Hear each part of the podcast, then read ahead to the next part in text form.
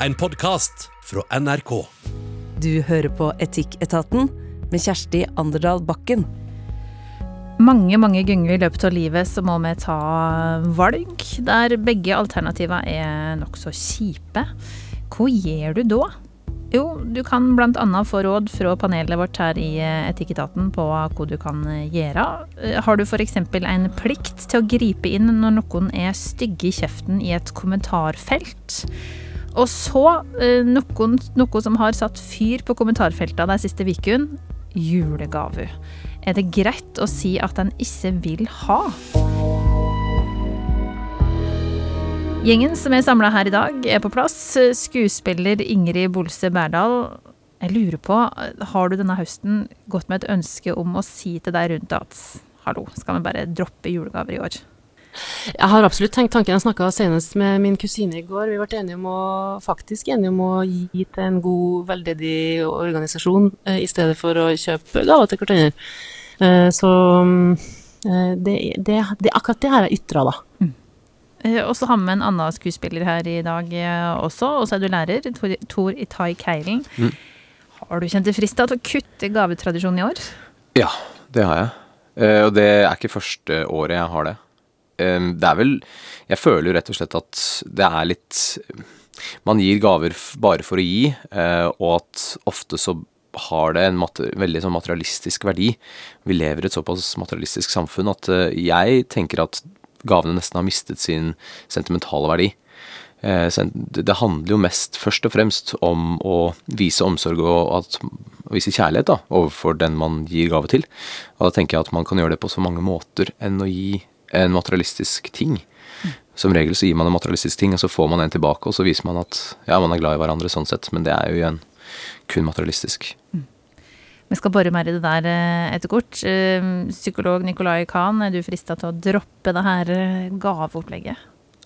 Nei, egentlig ikke. Jeg liker, liker det gaveopplegget. Jeg liker å gi, men jeg liker også å få. Syns det, det får litt barnslig glede av det. Deilig å høre. Ja. ja. Uh, da har vi litt ulike perspektiver når vi skal inn i gavedilemma. Og så et uh, annet spørsmål som dere skal få diskutere i dag, det er kan vi bruke ordet nazi til hverdags? Åh, oh, hun der er helt nazi på rydding, f.eks. Ekstra interessant å spørre den gjengen her, da to av dere har jødisk bakgrunn.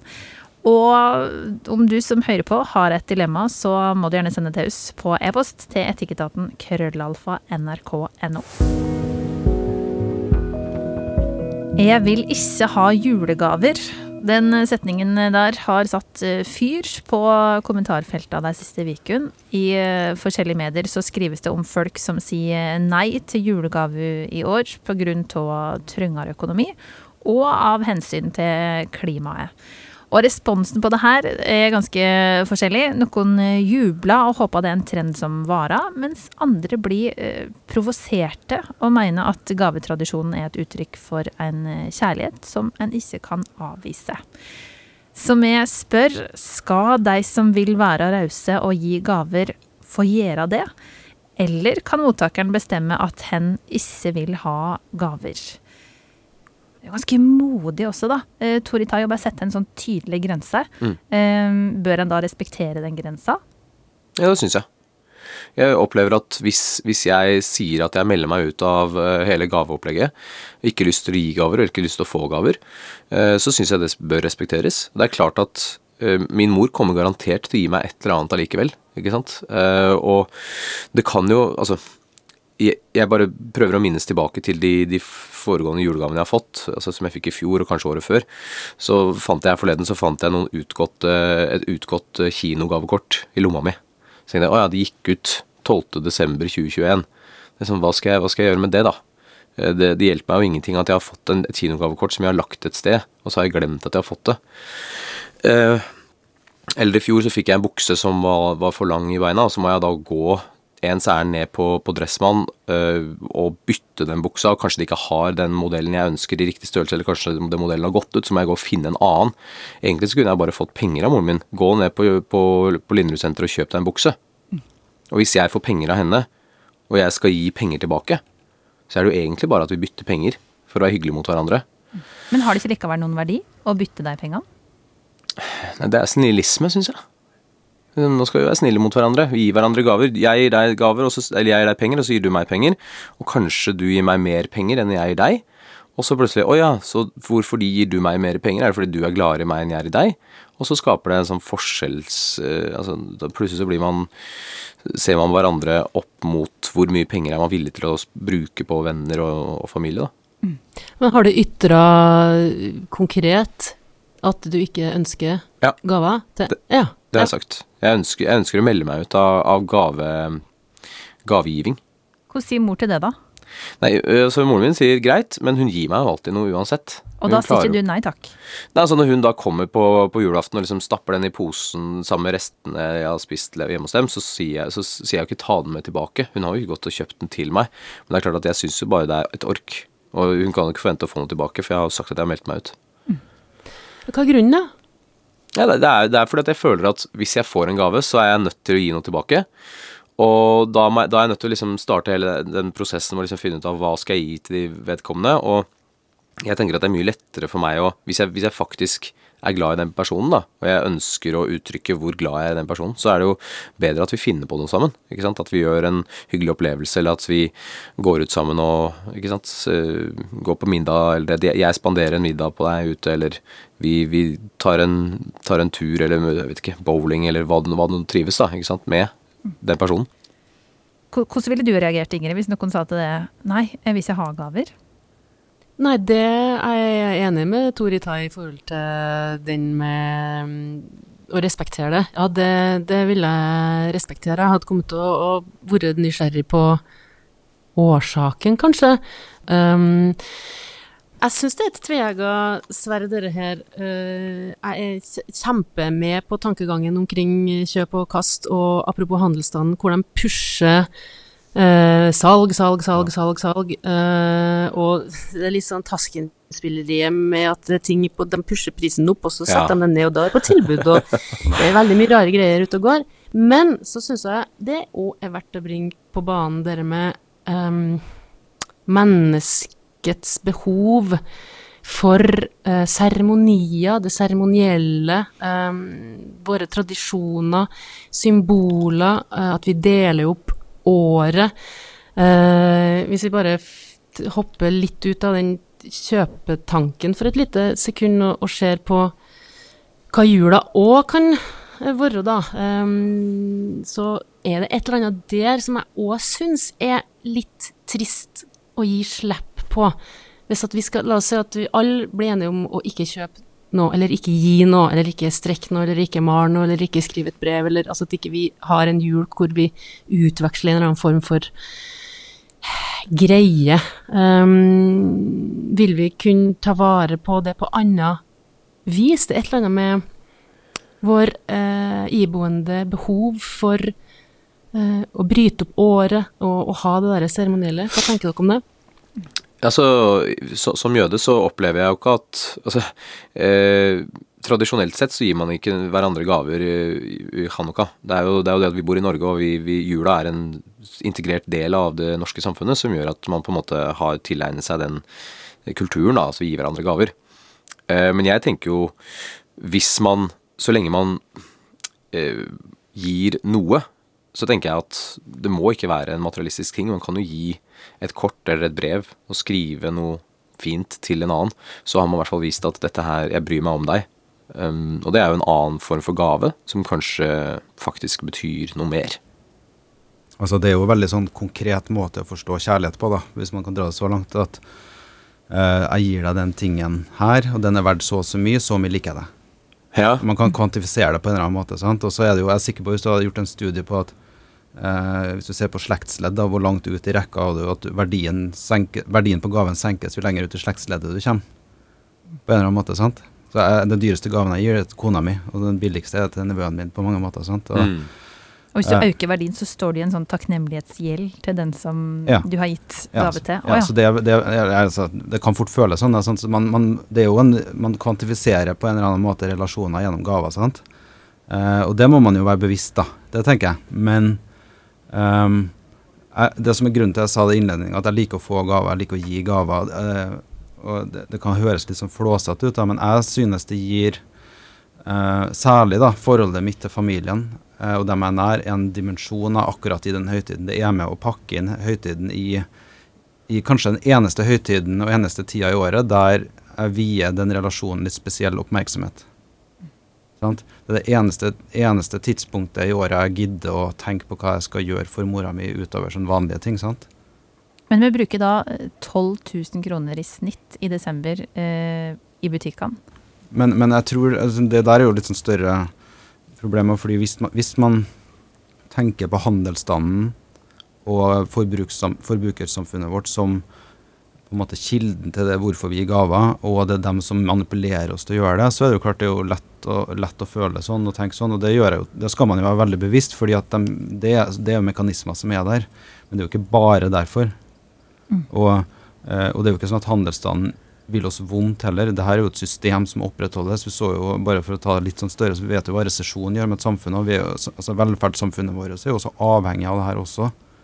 Og så blir det veldig synlig hvor, hvor, hvor stort overforbruket vårt er i jula, fordi at vi gir for mye, eller sånn som barn som nesten dissosierer på julaften fordi at de, de klarer ikke å ta inn alle inntrykkene. sant? Da må man stoppe opp litt, tenker jeg. Men, men det å gi den derre ene gaven som faktisk betyr noe, eller som vekker på en måte en glede, da. Men hvis du gir det til hver person, liksom Ja, men jeg gir til så mange, da. Vi gir til for mange, mener jeg. For eksempel, hvorfor skal jeg drive og gi gaver til vennene mine? Eller hvorfor skal jeg drive og gi gaver til treningene mine? Altså, Det har ikke jeg noe for noe tøv. Men jeg kan gi det til kona mi, foreldrene mine, søsknene mine og barna deres. Det er greit, på en måte. Men jeg har prøvd, da, å introdusere Kanskje bare vi skal gi til ja, partnere, vi som er voksne. Mm. Trenger ikke drive og gi til alle andre, for vi har det vi trenger. Det kunne jeg stått for. Men, eh, men ungene, Toritai, kjøper du fortsatt gave til, til dattera, Ja, eller? det gjør jeg. Ja. Absolutt. Eh, og altså Hva skal jeg si om, om det, da? Uh, jeg opplever jo at det vil være feil, da. Jeg vil sende veldig feil signal hvis ikke jeg gir, uh, gir gave til dattera mi. Og hun er, hun er fire år, og jeg opplever at liksom uh, Det er klart at hun skal få julegave. Eh, og, og det er ikke bare til jul jeg kjøper henne ting, ikke sant. Hun, hun får jo ting av meg sånn jevnt gjennom året også. Eh, men det er klart at hvis hun hvis det er noe hun har gått og sagt 'dette vil jeg ha, jeg ønsker meg den', så sier jeg men da må setter vi det på ønskelista. Og så, og så venter vi til jul, for da ligger en forventning til at liksom, når det endelig kommer og du får pakket opp, og så er det bare 'wow, det er det jeg har ønsket meg'. Da har du ikke bare fått det liksom, fordi du har pekt på det. Da sånn, da har du faktisk bygget opp en slags forventning om at du får ikke ting hele tiden. Du får det til spesielle anledninger. Så det syns jeg er en fin ting, og det er en fin tradisjon. Men som den representanten eh, for deg som ikke vil ha julegaver, hva sier du hvis noen kommer med en gave, og du skal avvise uten å være fullstendig drittsekk? Ja, hvis de allerede har, hvis de allerede har skaffet en gave, hvis de allerede har gått og handlet eller allerede har kjøpt inn, liksom, og Ja. de kommer og sier eh, 'god jul, dette er fra meg til deg', så kan det være at jeg til og med sier 'å, jeg hadde ikke forventet å få julegave, jeg har ikke ønsket meg noe'. Eh, jeg har, har ikke, hadde ikke planlagt å, være, å gi julegaver i år, jeg. Eh, men jeg tror ikke at jeg hadde sagt 'den der får du ta med tilbake'. Det kan være at jeg hadde tatt den allikevel, men da hadde jeg kanskje gjort dem vedkommende oppmerksom på at jeg, dette her var ikke planlagt, og jeg hadde egentlig ikke tenkt å gi eller få julegaver i år, så kanskje, kanskje det resulterer at jeg ikke gir noen gave tilbake, eller kanskje jeg da må kaste meg rundt, liksom. Og så eh, kan du da høre på en tidligere episode av Etikketaten om regifting, så kan du eventuelt gi den videre. Er jo eh, ja. den gava, så den ikke går i skuffen. Mm. Ja. ja, men det er fint. Um, vi skal ta og eh, holde oss til kommentarfeltet når vi skal videre til neste dilemma her i Etikketaten. E-posten vår det er altså etikketaten krøllalfa nrk.no hvis du har eh, tips til dilemma som vi bør eh, ta opp her.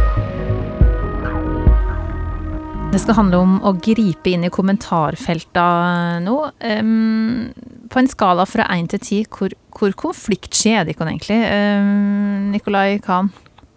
Tre. Ja, ganske lite konfliktsky. Er det en del av jobben som psykolog, kanskje? Litt, tror jeg. Ja. Jeg prøver jo ikke å søke konflikt der, men du må jo ta tak i konflikter hvis de er med der. Men det er også bare litt sånn type personlighet, tror jeg.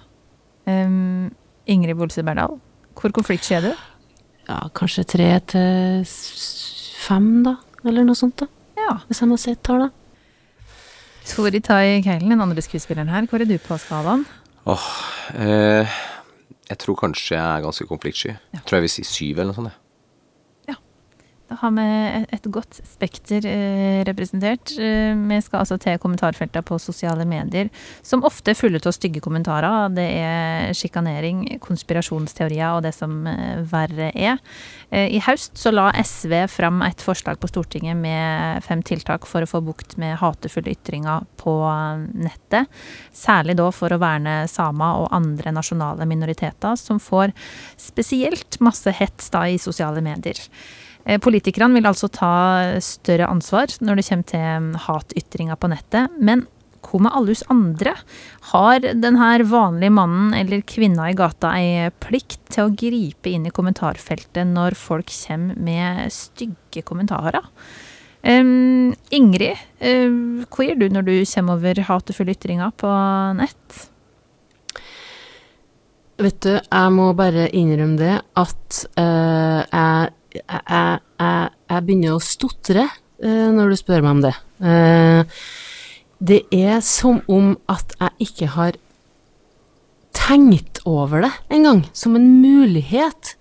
At jeg skal uh, være en anstendighetens eksempel og, og skrive noe som motsier hat. Og det, det Altså, jeg må bare puste litt. For at, uh, at jeg ikke har tenkt over det jeg, jeg har jo selvfølgelig sett alle de sakene om hva som foregår på nett og, og hets, og det gjør jo at folk ikke går inn i politikken, for eksempel òg, fordi man blir jo hetsa. Så det er jo til slutt et eh, demokratisk problem, det her um, har blitt det. Kan jeg, s- kan Eh. jeg spørre, hvis det, øh, for du er, du er jo en offentlig person i min bok. Det å ytre seg som offentlig person på nett, f.eks., påvirker det terskelen? Altså det at man er offentlig? Ja, altså, og så kicka det inn. Eh, Er det, er det en greie som gjør at jeg ikke gjør det? Og det er nok litt det at uh, Men er det et skalkeskjul, lurer jeg på, uh, for meg sjøl? At det er en sånn Eller er det, eller er det den konfliktskyheten som virkelig piker på skalaen i forhold til det at det er å tråkke ut i et et potensielt ormebol. Eh, da blir man dratt inn i en dramasituasjon man kanskje ender opp med å måtte diskutere fram og tilbake. Men det jeg har kommet fram til, da, i hvert fall for meg Og nå har jeg altså Neste gang jeg ser en sånn et kommentarfelt, så skal jeg virkelig eh, kvinne meg opp og skrive eh, et eller annet. Og jeg skal prøve å skrive det på en sånn måte at det ikke trigger ytterligere, da. Ja. For det er jo noe med det òg at hvis man skal si fra å være en sånn slags uh, Hva blir det for noe, da? Moderator. Ja, eller en anstendig Det er et eller annet med Vi har slutta å være vanlig anstendig, syns jeg, i en del situasjoner. Uh, og så kan man jo se på seg sjøl som helligheten sjøl, og hvorfor skal jeg være den som skal vite hvordan man skal oppføre seg, hvis man skal oppføre seg anstendig, og hva er nå det? Men, men hva vil en sånn setning være? Eh, du har rett til å ytre deg. Eh, jeg vil bare samtidig si at uh, herre er hva skal, Hvilke ord skal man bruke? Drittslenging? Ha, hat? Og det, har- det syns ikke jeg du skal holde på med. Fører man Er man da et sånt slags eh, En motpol? Mm. Eller? Toritai, ville du gripe inn i et kommentarfelt? Altså, jeg har nok, eh, jeg har nok ved flere anledninger sett eh, kommentarer på, på, eh, på et kommentarfelt som jeg ikke har grepet inn på og gjort noe med. Nettopp av den grunn at jeg tror at det fyrer opp eh, mer fyr på bålet. Jeg ser for meg at noen av de som sprer mest hatmeldinger, er de som ønsker å ta en krangel, eller ønsker å skape mer debatt. ønsker å liksom, eh, De elsker å sitte bak den skjermen og bak det tastaturet og, og skrive dritt. Hvis det er noen som blir provosert av det de skriver, så har jo de vunnet, på en måte. Eh, Så da, De ønsker seg jo gjerne en debatt, og at de ønsker å fortsette å, å, å skrive og fortsette å pumpe ut eh, hatet sitt, på en måte. Så jeg tror at hvis jeg har kommet over en sånn kommentar, så har jeg bare scrollet videre fordi at jeg ikke ønsker at jeg skal fyre opp under den personen og gi mer eh, fyr på bålet. Eh, Men som, som Ingrid sier, så er, er det jo kanskje en fordel å forsøke å si det på en måte som gjør at man stanser debatten, da. Istedenfor at man skriver eh, noe hatefullt tilbake til vedkommende. Eller at man istedenfor at man skriver noe som vedkommende da kan Altså at man tar dem på deres meninger. Fordi de har jo rett til å ha en mening, ikke sant. Og man da bare sier 'dette er ikke plassen for å skrive sånn som dette'. Eller 'jeg syns det var unødvendig'. Eh, la oss snakke, la oss holde oss til saken, liksom. Så ville det vært en mer sånn moderat ting å si, da. Kanskje man klarer å kutte debatten der og da, istedenfor at man fyrer opp under den personen. Altså et av det her, en av de minoritetene som, som SV tenker på når de har utarbeida det her tiltaket, er jo nettopp jødiske, fordi det er en del antisemittisme i eh, kommentarfelta. Uh, ifølge Senter for studier av holocaust og livssynsminoriteter så er det mindre hat uh, mot jøder nå, så det går uh, rette veien, men at det er samtidig mange stereotypiske forestillinger, og mange minoriteter sjøl opplever at det er økende um, hat i kommentarfelta. Eh, ville du gått inn hvis du så noe antisemittisme i kommentarfelta, Nikolai? Eh, som hovedregel så går jeg ikke inn i kommentarfelt. Eh, jeg anser det stort sett som en søppelkasse. Eh, noe som normalt sett i gamle dager ville det vært sånn lesebrev som kommer til avisa som aldri blir trykt. sant? Um, men nå har folk da en ytringsmulighet som er noe helt annet, og da, da tenker jeg at det her er noe du bare overser. For du, du forsterker det bare ved å gå inn i det. Ikke, det skal så mye til for å klare å stoppe det eller overbevise det. Fordi det her er, det handler om noe sånn sinne som eh, ikke handler om sak, da ofte. Og så er det jo Av og til jeg ser folk som jeg forventer mer av. Der jeg tenker de har enten en posisjon, det kan være i form av maktposisjon eller rolle i samfunnet, der jeg tenker at nå må det korrigeres. Eller nå må noen si ifra. Men da må du ha argumenter. Jeg, kan, jeg, jeg gidder ikke å være en sånn som skriver for at nå blir jeg, nå blir jeg lei meg. Det er ikke derfor jeg sier det. Det er fordi jeg mener at de tar feil, og så prøver å være saklig på det. Og aldri, aldri prøve å sette merkelapper på den personen. 'Nå er du en antisemitt', eller noe sånt. Men det du sier der, er antisemittisk. Eller det er problematisk fordi sånn og sånn. Og så prøve å forklare hvorfor alltid, da. Jeg tror ikke det har så mye effekt. Jeg tror uh, kommentarfeltets natur at altfor sånn eh, Det legger opp til svarmuligheter hele tida. Så det er pingpong interaktivt, og så blir det stående veldig tydelig i debatten. Så det blir så, det henger, henger sånn med deg. Så det blir også en sånn personlig ærekomponent i det. Så det å, det å gi seg i en debatt, det blir nesten som et tap. Jeg, jeg har nesten til gode å, å se en, en sånn type debatt der at man blir enige om at OK, jeg tok feil, du hadde rett. Det er ekstremt sjelden. Altså det, det er helt umulig. Og jeg mener jo og det tror jeg har blitt tydeligere og tydeligere for meg med årene, at eh, det her er en pervers måte av mediehusene på å tjene penger på. Det tjener ikke ytringsfrihetens formål at man har så store muligheter til å spy ut eder og galle. Det bedrer ikke samfunnsdebatten, og det forsterker ekstreme klima. Fordi at de nyanserte stemmene og de viktigste stemmene, de kommer ikke fram der. Og det er dem som samfunnet trenger. Samfunnet trenger ikke å få flere ekstremister i et kommentarfelt. Det bærer ingen steder hen. Men det hadde jo blitt mer nyansert hvis du hadde gripet inn, da. Nei, det hadde ikke Fordi For det, det, det bare, blir bare et sånn bakgrunnsteppe av Og så kommer det mer og mer støy. Det eneste du får, er enten en, en sånn like eller et sånn wow-ansikt eller sure fjes. Eller det, det, det, det ikke det, det fører jo ikke til noe faktisk endring. Men hva er alternativet, da? Altså, at man stenger Ja, jeg mener det. Det er, det, det er helt fundamentalt feil at kommentarfeltene er så åpne som de er. Vi er så vant til det i dag, vet du. Men det er jo, ikke- du skal ikke mange år tilbake i tid for det der, før du skulle ytre deg i offentligheten. Så måtte du faktisk tenke gjennom noen ting. Og du måtte gjennom en redaksjon som vurderte om du skulle kanskje også skjermes for å komme med de utsagnene. For det blir hengende ved deg for alltid når du kommer med det her i, i dag, da. Men er det ikke Tori Tai, noe demokratisk også med, med det her kommentarfeltet? Jo, altså det er jo det at man har en ytringsfrihet i, i landet her, og man skal ha muligheten til å ytre seg, og spesielt når det gjelder liksom eh, politiske meninger. Eh, at hvis det da er en person som har fått lov til å skrive en artikkel og har en tydelig mening om dette eller dette, eh, så, så, skal, så er det liksom litt i ytringsfrihetens navn at vi skal kunne gå inn og ta til motmæle, da, eller si imot. Eh, dette her er jeg ikke enig i. Men det er klart at da må man være Ideelt sett så skal man jo være på saken. Sant? Da skal man være tydelig på at dette, denne saken som du uttaler deg om, eller dette, denne faktaen er jeg uenig i, eller altså, øh, fordi at jeg mener at du tar feil på sånn og sånn.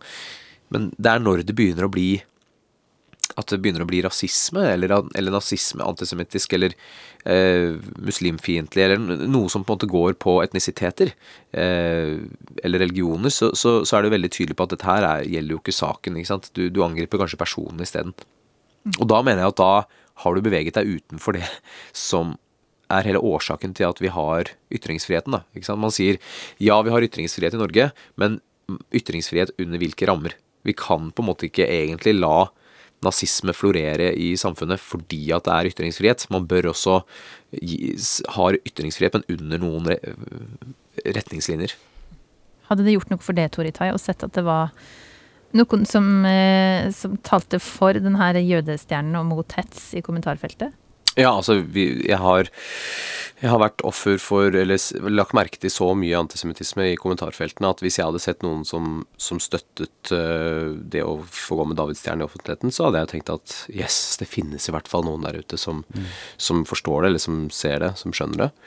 Og det, jeg uh, ville, hadde jo satt pris på hvis jeg leste et kommentarfelt angående en sak som jeg brydde meg veldig om. Om det er f.eks. en sak som, som ja, hvis jeg skal ta opp eh, noe som skjedde nylig, da, hvor, hvor eh, Ervin Kohn ble hetset på, på, på eh, Twitter. Og hvis det da To ord om hvem Ervin Kohn er. For deg Ervin Kohn er jo det. forstander i Det mosaiske trossamfunn, da. Eh, og og han, Det var noen, jeg husker ikke hvem det var, da, som da hadde redigert ansiktet hans inn i et bilde av overlevende fra, fra Auschwitz. Eh, og med bildeteksten sånn var det på tide å komme seg ut av Auschwitz. Eh, Ervin, fordi vedkommende mente at eh, Ervin Kohn bruker det at, han, det at jøder har vært eh, At holo, bruker holocaust som en sånn god unnskyldning, liksom. Um, det er jo direkte hets mot ham, og, og eh, han mistet jo familie under holocaust, så jeg tenker at eh, hvis, hvis det lages en artikkel på det, og, og, og det da florerer av, av hatkommentarer, så hadde jeg satt pris på at, at det var mennesker som da støttet ham og mente at dette her er jo faktisk um, Det er viktig at vi hva skal jeg si, danner en ring rundt uh, ham i denne situasjonen, fordi at da kan han se at det er At han er ikke, han er ikke hårsår. Det er faktisk uh, Dette er hets, og det, det burde ikke vært lov, ikke sant?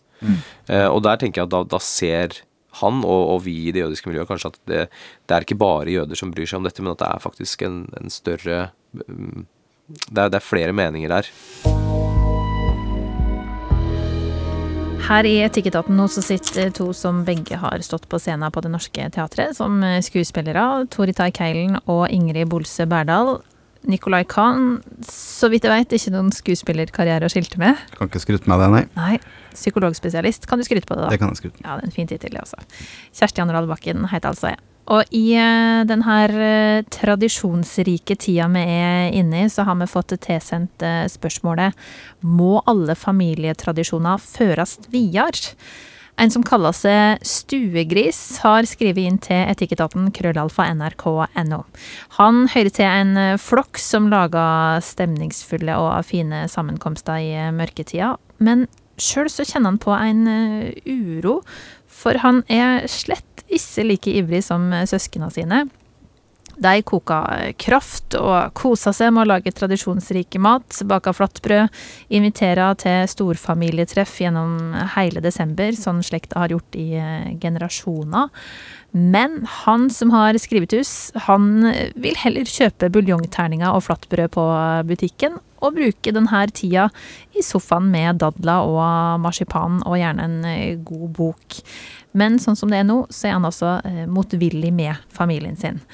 Det her gjør at han kjenner seg som en utakknemlig sviker. Ingrid, er han det?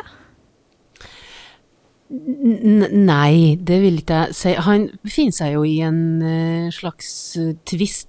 Altså, han, han, han deltar Hvis jeg forstår han riktig, så deltar han fortsatt, men han gjør det med ønske om å være et annet sted.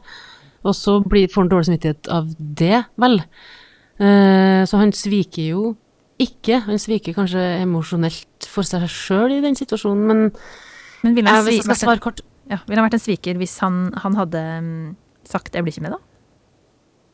Nei, altså skal svare helt kort, så vil jeg eh, igjen, dette handler jo om kommunikasjon. I utgangspunktet så syns jeg at vi mennesker skal gjøre det som er rett for oss sjøl.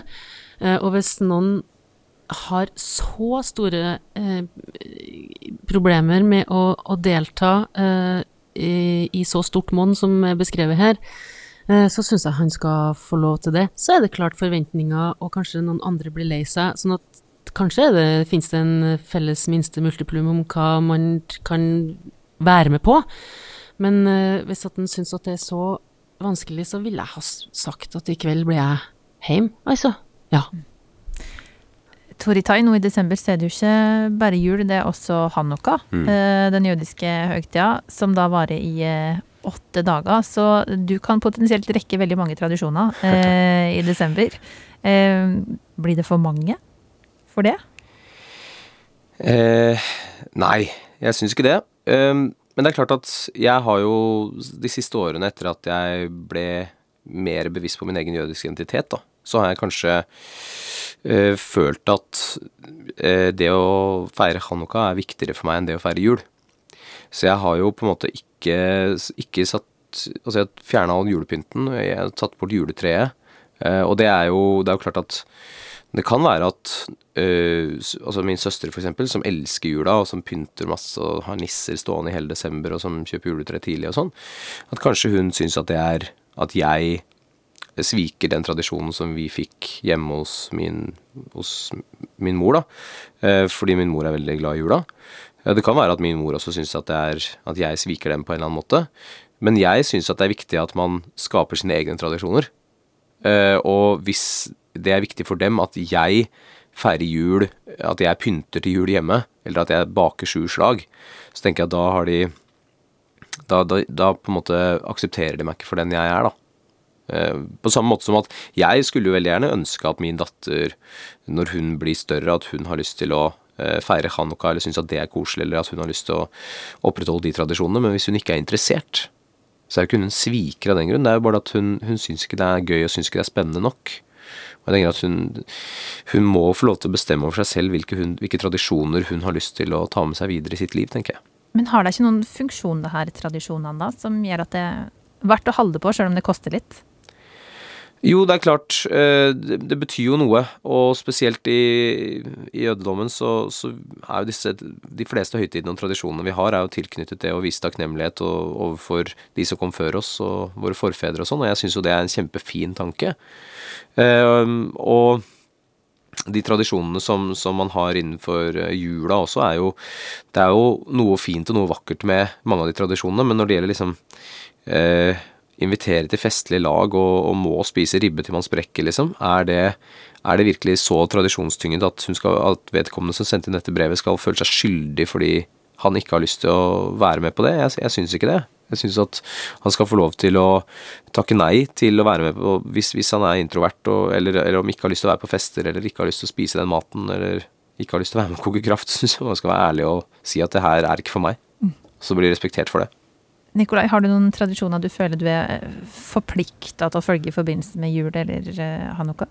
Um, kanskje ikke så mye hanukka lenger, men uh, føler meg kanskje mest forplikta til å uh, denne julaftenmiddagen hos uh, ett av uh, flere foreldre, skilsmisseforeldre på begge sider. Uh, nå feirer riktignok mine foreldre jul sammen fortsatt. Uh, så det, det, er vel, det, er vel, kanskje den eneste forpliktelsen jeg kjenner, og at jeg er med på det showet. Um, utover det så eh, gjør eh, jeg og kona mi da, vi, vi, gjør det litt sånn som vi ønsker det sjøl. Uh, det, det, er jo litt sånn det temaet som det, si, det, er jo veldig fristende å komme med svaret på hva som er lurt å gjøre, eller hva som er rett å gjøre. Men det jeg lurer på, er jo hva er det denne personen kjenner på? Er det fordi at han er introvert, eller er det fordi at familiekonstellasjonene er krevende? At de krever for mye av en? Føler han seg invadert?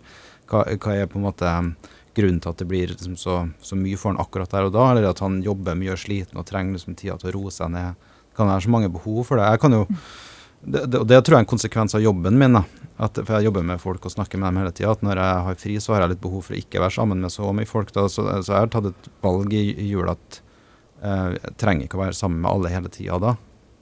Fordi da er det en tid der jeg har mulighet til å hente meg inn litt og få litt sånn pluss plussfølelse på å være sammen med folk igjen. sant? Eh, men men uh, altså jeg, jeg blir kanskje mer nysgjerrig på eh, hvorfor han tenker på seg sjøl som en utakknemlig sviker. da, Hvorfor han bruker det ordet. Det, det er ikke helt tilfeldig, det, tenker jeg. Er det en familie som har, legger et sånn litt sånn aggressivt press på at du skal være med òg? Men hadde du ikke kjent det litt som en sviker hvis du hadde stikket til Hawaii i jula og ikke være med på den julaften som det er vel liksom tradisjon for å feire sammen? Jeg tror jeg kunne ha gjort meg sjøl til en sviker hvis jeg bare hadde dratt uten å si det til dem, på en måte.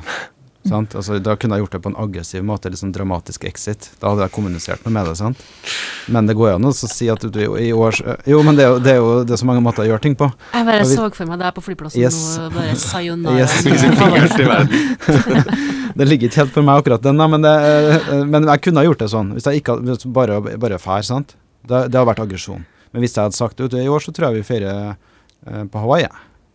Da, det, er, det, er, det er jo ikke en sviker av den grunn. Altså. Det, er, det er noe bare noe jeg hadde lyst til å gjøre. Det har jeg jo lov til. Jeg må bare spørre, de kan si Hanukka med sånn uh, lyd. Ja. Skal, skal jeg også gjøre det, eller ja, er det litt sånn forbeholdt uh, dere som er der inne? Bare si det som du Kan jeg si Hanukka? Ja. Ok, greit. Um, spørre. Eh, ja, Nicolai er jo inne på en komplekse som jula kan være for en god del av Mm. hva det inneholder for uh, emosjoner, da. Mm. Hva man ønsker for seg, og hvordan man da velger å kommunisere rundt det, eh, tror jeg jo er, er viktig å bli bevisst etter hvert i sitt liv da som voksen, i hvert fall. for han her spør jo om han er en utakknemlig sviker. Hva- består sviket i så fall? tenker jeg, hvorfor, er det, sånn, hvorfor er det akkurat det, de ordene han velger? Altså, jeg bare ser for meg sånn Sett at, sett at eh, jeg forsøkte å få min datter til å, til å like Til å elske, elske Hanukka, da. Hver, hver eneste Hanukka så, så setter vi oss ned sammen, og så, og så tenner vi lysstaken, og så synger vi sangene og ber bønnen, og så uh, snurrer vi med snurrebassen, og så drar vi på Spiser vi latkes og you name it. Og så gjør vi det hvert år til hun blir jeg vet ikke, 16-18. Og på et eller annet tidspunkt så bare føler hun ikke for å gjøre det. Hun har lyst til å liksom gjøre noe helt annet. Hun har lyst til å dra på jeg vet ikke, treningsleir med noen andre, eller jeg har lyst til å, jeg har lyst til å synge kirkekoret, liksom. Og så kanskje hun føler at hun er en utakknemlig sviker. Kanskje det er det. ikke sant? At hun føler på at fordi at jeg da har strevd så med å gi henne disse tradisjonene opp gjennom hennes oppvekst, at det at hun da liksom skal punktere 18 år med min innsats, liksom. Selv om jeg ikke føler at hun hadde vært det hvis hun hadde ønsket å bare droppe hele Chanukka-feiringa, så, så kan det være at det er det vedkommende føler på, at nå har familien hans og hans foreldre forsøkt å gi ham denne oppveksten, og at han skal på en måte videreføre de tradisjonene fordi det er viktig for dem.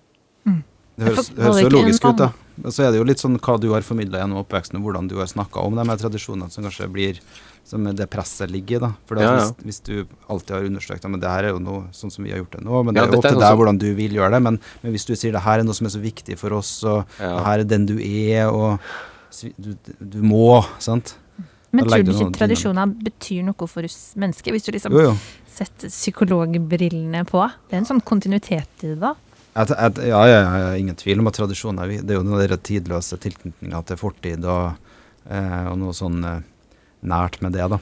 Mm. Det tenker jeg. Men, men eh, hvis jeg forsto eh, det spørsmålet rett, så var det jo enkelte hendelser i jula. Det var ikke alt med jula som var avvisninga. Det var bare ikke være med på hele alt sammen. Mm. Og så var det ganske masse. Ja, sant. Det er, jo, det er jo noen som jeg tenker er det jo helt tullete hvor mange ting du skal arrangere i løpet av en jul. Det er jo så travelt til folk at jeg skjønner jo ikke at de vil ha det sånn. Mm. Jeg forstår jo ikke, for jeg, det er jo det med er du litt introvert av deg, så har du jo kanskje behov Henter du energi alene, sant? Og introverte taper jo alltid kamp med ekstroverte. Det er jo et samfunn som idealiserer ekstroverte ganske mye? Så, uh, så det kan jo handle bare det, at han har litt annen personlighet enn resten av familien, og at de må finne en dynamikk som funker bedre for han sammen med. De føler at hvis at det blir for mye for han, så blir det ender det med avvisning til slutt. sant? Mm. Mm. Men også å møte opp og koke kraft og bake flatbrød, Ingrid, eh, er det ikke verdt det hvis det gleder andre nok?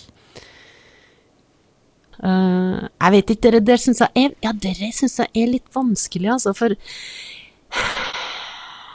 det, det, det er jo noe som Hva, er, hva er, blir jula, da, hvis man ikke skal gjøre noen ting? Jeg lener meg jo på min mor. Mamma baker. Jeg drar hjem til Inderøya i Trøndelag. Eh, i jula, og mamma har bakt Klart jeg setter pris på lukta av peppernøtter. Jeg, jeg skal ikke si peppernøtter, jeg tror ikke du baka peppernøtter i år. Så da får hun sikkert Nå begynner hun å bake peppernøtter! Jeg. Eh, klart jeg setter pris på det, og hun lager sånne oppsatser med mose og med reinsdyrsmose og med det, det, Å, jeg syns jo det er etter hvert som jeg er blitt voksen sjøl, så setter jeg jo kjempestor pris på det. Og jeg ble jo helt slått i bakken da jeg skjønte egentlig altså rekkevidden av hvor mye hun og pappa òg, da, eh, gjør hver jul. Hvor lang tid hun bruker, og ut med sånn lykt på hodet, ikke sant, og gjennom snøfokken for å grave opp denne mosen. Og det er einer, ikke sant, og det er opps, ja, oppsatser, og det, resultatet blir jo at det blir et julehus. Det er som å gå inn i eh, Det er veldig, veldig vakkert, da. Det er estetisk vakkert òg, og det har jeg begynt å sette kjempepris på. Jeg blir jo helt herlighet. Mamma laga dette her. Så holder på i timevis for å og, å og jeg har jo spurt dem jeg, jeg, kommer ikke til å greie å få til det her, jeg. Og kanskje gjør jeg det lell, når hun blir så gammel at jeg ikke gjør det. Kanskje kicker det inn en lyst. Å gud, nå blir jeg Å, herlighet, tanken på at jeg skal gå ut dit, og mamma ikke finnes lenger, så skal jeg gå og grave den mosen. Ja, jeg tror jeg kommer til å gjøre det. Vet du, jeg tror jeg kommer til å gjøre det. Lyst, eller det kan jo også bli en plikt, da. At det kjennes litt sånn. Nei, det tror jeg ikke. Da kommer mamma til å, til å spøke fra det hinsidige og si 'Ingrid, det er ingen plikt'. Rop det gjennom skogen. Så du, hvis du ikke er med på her, så vil du være en sviker? Nei, motsatt. Altså, mamma kommer til å si 'Ingrid, hvis ikke du har lyst til å lage en oppsats etter at det her har gått bort, så ikke gjør ah, ja, det', vil hun si. Ja, ja, ja. Og, Nei, da, og da, er- da øker det motivasjonen din for å være med på det her. Når du har et valg. Ja, det kan godt Det er jo et godt innspill, da.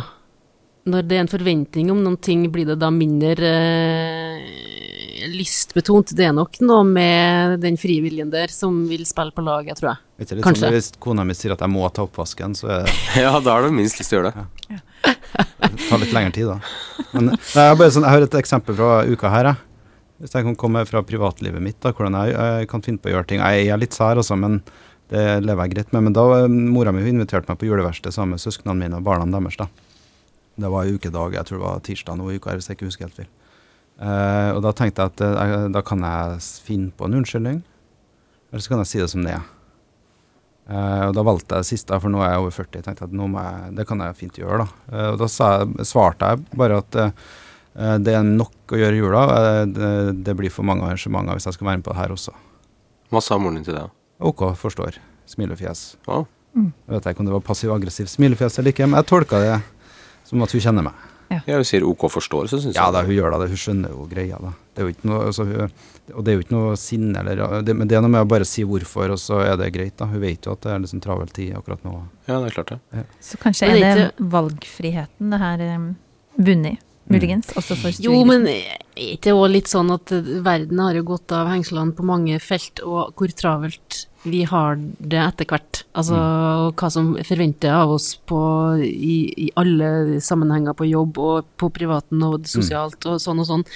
Hadde vi nå bare gått i litt lugnere tempo, så kanskje hadde det vært mer lystbetont Jeg tror det. i og da. Jeg tror Det er jo litt det, det positive med koronatida som man har snakka tusenvis av ganger om, da, men det var jo at folk fikk litt mer åpne kalendere en periode. Ja, det er sant. Det likte folk, sant? Det er helt utrolig. Det går an å skylde på, skylde på virus fortsatt, egentlig. Det Ja, går jo så masse greier nytt at at eh, ja, stuegrisen kan eh, Ja. si at uh, han er redd for, for smitte. Nettopp. Ellers kan man begynne å ta ansvar for det man føler, og Ja. lage seg liv som er litt lettere å få til. Ja, hør, hør! To streker under svaret. Mm. Siste dilemma i dag skal handle om eh, språk. Og panelet som sitter her, består av en som eh, jobber med fortellerkunst i form av å undervise i teater. Tori Tai Keilen. Ingrid Bolse Berdal utøver fortellerkunst i praksis, blant annet i Netflix-serien Westworld. Og Nicolai eh, jobber med å gi folk eh, råd og kloke tanker som eh, psykolog. Jeg heter Kjersti Anderdal Bakken. Ordet vi skal prate om nå, det er nazi. Det er jo ikke så uvanlig å høre i dagligtala til folk. Eh, er det greit å si treneren er så nazi, eller hun er helt nazi på rydding? En mann som kaller seg Eddie, skriver på nettsamfunnet Reddit at jeg forstår at en bruker ordet for å overdrive, men jeg syns likevel det blir feil å kalle en streng lærer for nazist. Så vi lurer altså på, kan vi bruke ordet nazi i eh, dagligtala? Toritai, har det hendt at du har brukt det her eh, ordet? Ja, altså, det har jeg helt sikkert. Eh, Jeg kan liksom ikke huske tilbake når det var jeg brukte det sist, og jeg har helt sikkert brukt det sjøl. Men eh, første gang jeg ble gjort oppmerksom på dette dilemmaet her, da jeg var med i, i eh, TV-programmet Ikke spør om det, da, spurte, da stilte jeg oss akkurat det samme spørsmålet. Og da begynte jeg å tenke på det, og så tenkte jeg at jeg tror faktisk at jeg ikke har lyst til å bruke det ordet om bare en person som er streng. Fordi jeg føler at det utvisker og utvanner ordet nazist lite grann.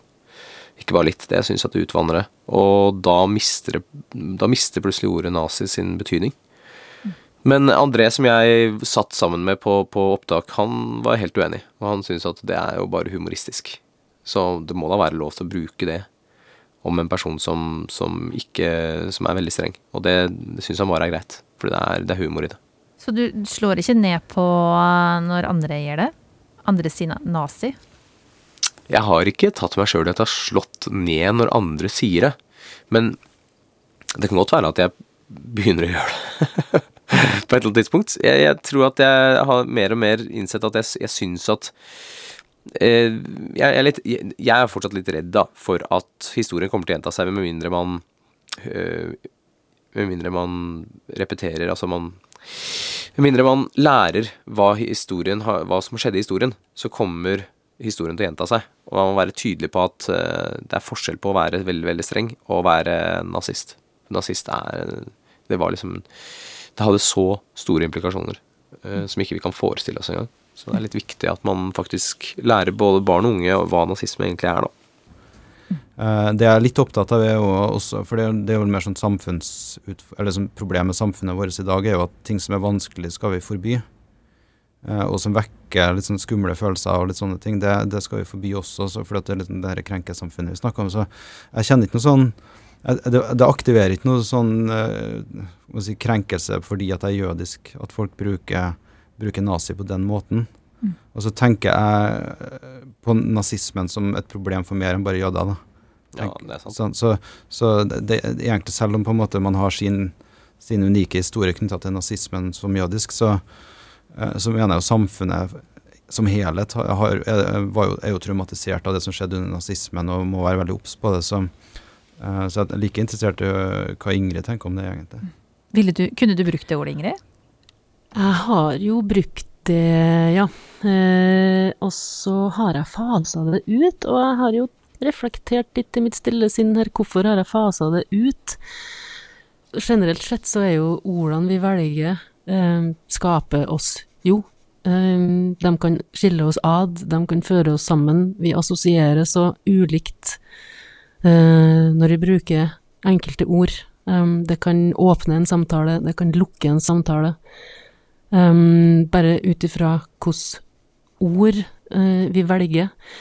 Så det generelle med å diskutere ord uh, syns jeg er viktig. Um, og hvis at noen uh, blir lei seg eller syns det er problematisk hvis jeg bruker ordet nazi, så gjør det meg ingenting å ikke bruke det. Jeg føler ikke at fri... Altså, jeg syns ikke at jeg blir lagt bånd på, da, eh, med å fase ut det ordet. Det går helt fint for meg.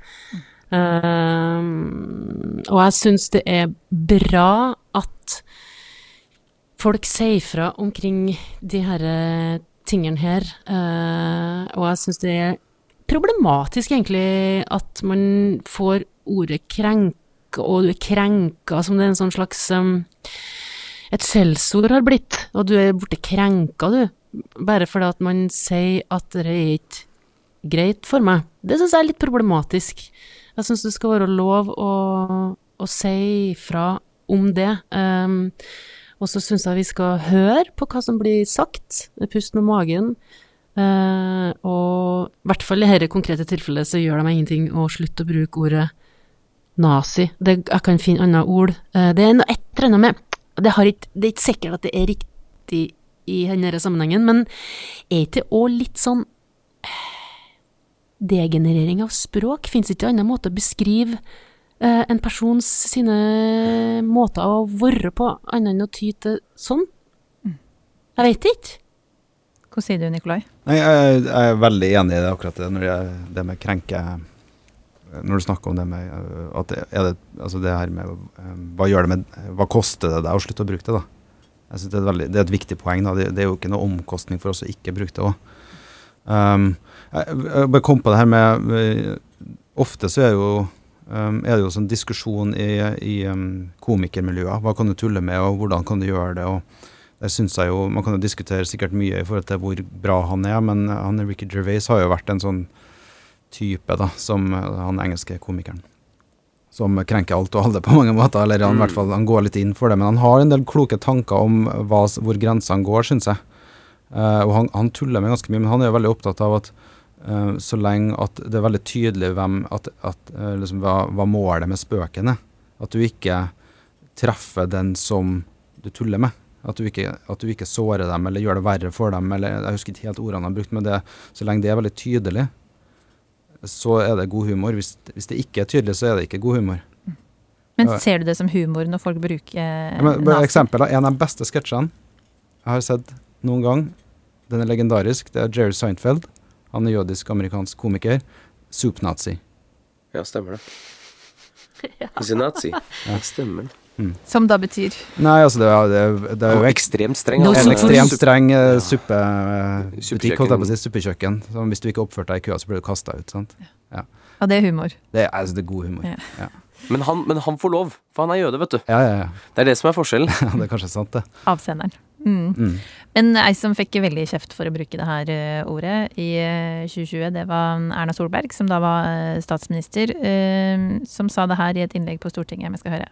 Staten skal aldri være lønnsledende på denne typen jobber, og vi er ganske, ganske nazi på nettopp det spørsmålet overfor statsråder og andre som holder på med noe annet. Vi er altså ganske tett i oppfølgingen av det, fordi vi må passe på det, for der er jeg enig. Ja, ganske nazi. Staten er ganske nazi. Mm. Legg merke til at du har en liten pause før du bruker ordet ja, nazi. Ja, fant ikke helt. Hvilket ord skal jeg bruke nå? Ja. ja. Eh, hva tenker du om det her, eh, Tori Tai? Altså, jeg har skjønt det slik, eh, og hun har vel sikkert beklaget det i ettertid, men hun, sier, hun har vel sagt at det er faktisk vanlig i Bergen å bruke dette her i dagligtale. Ja, men bruker det som et vanlig uttrykk for å være streng. Ja, mm. Eh, og, og, jeg tenker at jeg skal ikke klandre liksom Erna Solberg nødvendigvis fordi hun bruker et, et ord som, som, er vanlig å bruke det i Bergen, uh, men jeg bare syns at øh, jeg syns at det, det, er, det, det, gjør at språket vårt kanskje er blitt litt fattig, da. Jeg tror at det finnes mange måter å komme fram til et ord som betyr utrolig streng på, enn å måtte ty til et uh, ord som, som, har så mange andre konnotasjoner ved seg.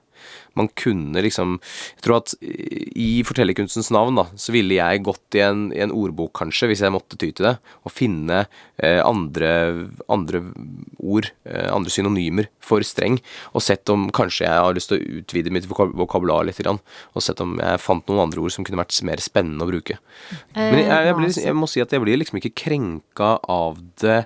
Jeg føler liksom ikke at Å, nei, nei, nei, nei nå, mm. nå, nå, nå krenka det meg veldig, liksom. Mm. Eh, jeg bare tenker at i mitt stille sinn så tenker jeg ja, hun litt, har litt begrensa vokabular, syns jeg. Hun choka litt, tenker jeg. Altså, hun var ja, annet, men, som, nå men, leter jeg jo hodet mitt etter yes. et godt ord, og så bare Å ja, det var det første som lå der. Da tenker jeg sånn Ja, da har du ikke brukt mange ord i ditt liv, Erna. Men det er litt sånn Jeg blir ikke, jeg blir ikke sånn personlig krenka og syns at nei, nå, men nå er du veldig antisemittisk her. Nei. Det føler jeg ikke. Ja, for det var ingen som var i tvil om hva vi mente. Nei, nei, nei absolutt også, ikke. Så, så, vi vet jo hva ordet, hvordan det brukes og hvilken funksjon har i dagligtalen vår. Så er problemet at du sier det på Stortingets talerstol der det er ganske sånn streng kutyme. Eh, det, er veldig formell setting, og hun er statsminister. Jeg stiller litt andre krav til hun. Så det her syns du var helt feil valg av ord? Ja, jeg tenker det, det Men uh, ja, det, ingen tvil. Uh, men det er på, først og fremst pga. kontekst og rolle. Men du ser litt ned på at hun brukte det, da, egentlig? Du ja. kan bedre? Du kan bedre. Men hvis det er en skoleelev som bare sier det til læreren sin, da? Ikke vær så nazi, da. Hvordan hadde du reagert? Du står jo i klasserommet Og- Jeg, ja, hvis, en, hvis en elev sa det til meg, så hadde jeg faktisk sagt Jeg tror Altså Nå, nå er det ikke alle elevene, mine, alle elevene mine som vet at jeg er jøde, da. Men hvis, hvis det hadde vært en elev som sa det, så, så hadde jeg sagt Vet du, Hvordan hadde du tenkt det hvis det var en jøde som satt i klasserommet her, og du sa det? Du hadde parkert den godt, da. Ja, altså Tre- Trekke jødekortet da, den er tøff. Nei da, jeg er enig, men det er jo, det er jo igjen eh, Da er det jo hvordan eh, da, Det umiddelbare jeg tenker da, og det kan jo være at jeg er gammeldags, men det kan elever snakke sånn til læreren sin, da? Godt spørsmål, ja. Jeg bare tenker at det er litt viktig at man uh, At det ikke bare er Spesielt i denne situasjonen her, da, at det ikke bare er jøder som på en måte føler at det er litt ugreit. Jeg tror det er litt fint at det er andre folk også, som, sånn at det ikke bare blir jøder som liksom Nei, vi må stå på vårt og liksom si at dette her er viktig for oss. Men at andre også ser at det kan være problematisk. Jeg vil jo ikke at alle skal begynne å gå rundt og være krenka på beina av jøder. Men jeg bare tenker at kanskje folk bør tenke seg om to ganger før de begynner å bruke ord som de ikke helt vet betydningen av, eller som de ikke Ja. har satt seg inn i betydningen av. er viktig. Altså, man må tenke, det er, jeg er kjempeopptatt av akkurat at nazismen var et problem for Norge Mm. og verden. Og ikke bare jødene, det. altså. De, det var diktatur i Norge. De invaderte oss og drepte masse meningsmotstandere. Og, ja. Her må man ha historien med oss. Yep. Um, da er tida vår ute i Etikketaten i dag, og til å prate om eh, tradisjoner, plikt, hat og eh, nazi, så har vi hatt eh, Nicolai Kahn, som da er psykolog, Tori Tark Heilen og Ingrid Bolse Berdal, som begge er skuespillere. Jeg heter Kjersti Anderdal Bakken, og hvis du som hører på har lyst til å gi oss en eh, tilbakemelding, sende inn et dilemma, eller kanskje foreslå folk til panelet vårt, så når du oss på e-posten etikketaten krøllalfa nrk.no. Og hvis du liker å høre på Etikketaten, så må du gjerne tipse andre om at vi finnes, både på P2, P1 og som podkast i appen NRK Radio. God jul, er det vel lov å si, nå i desember. Si en god hanukka også, eller hvordan er det? Ja, gledelig hanukka, kanskje. Gledelig hanukka. Ok, ja, men det er hyggelig. Du har hørt en podkast fra NRK.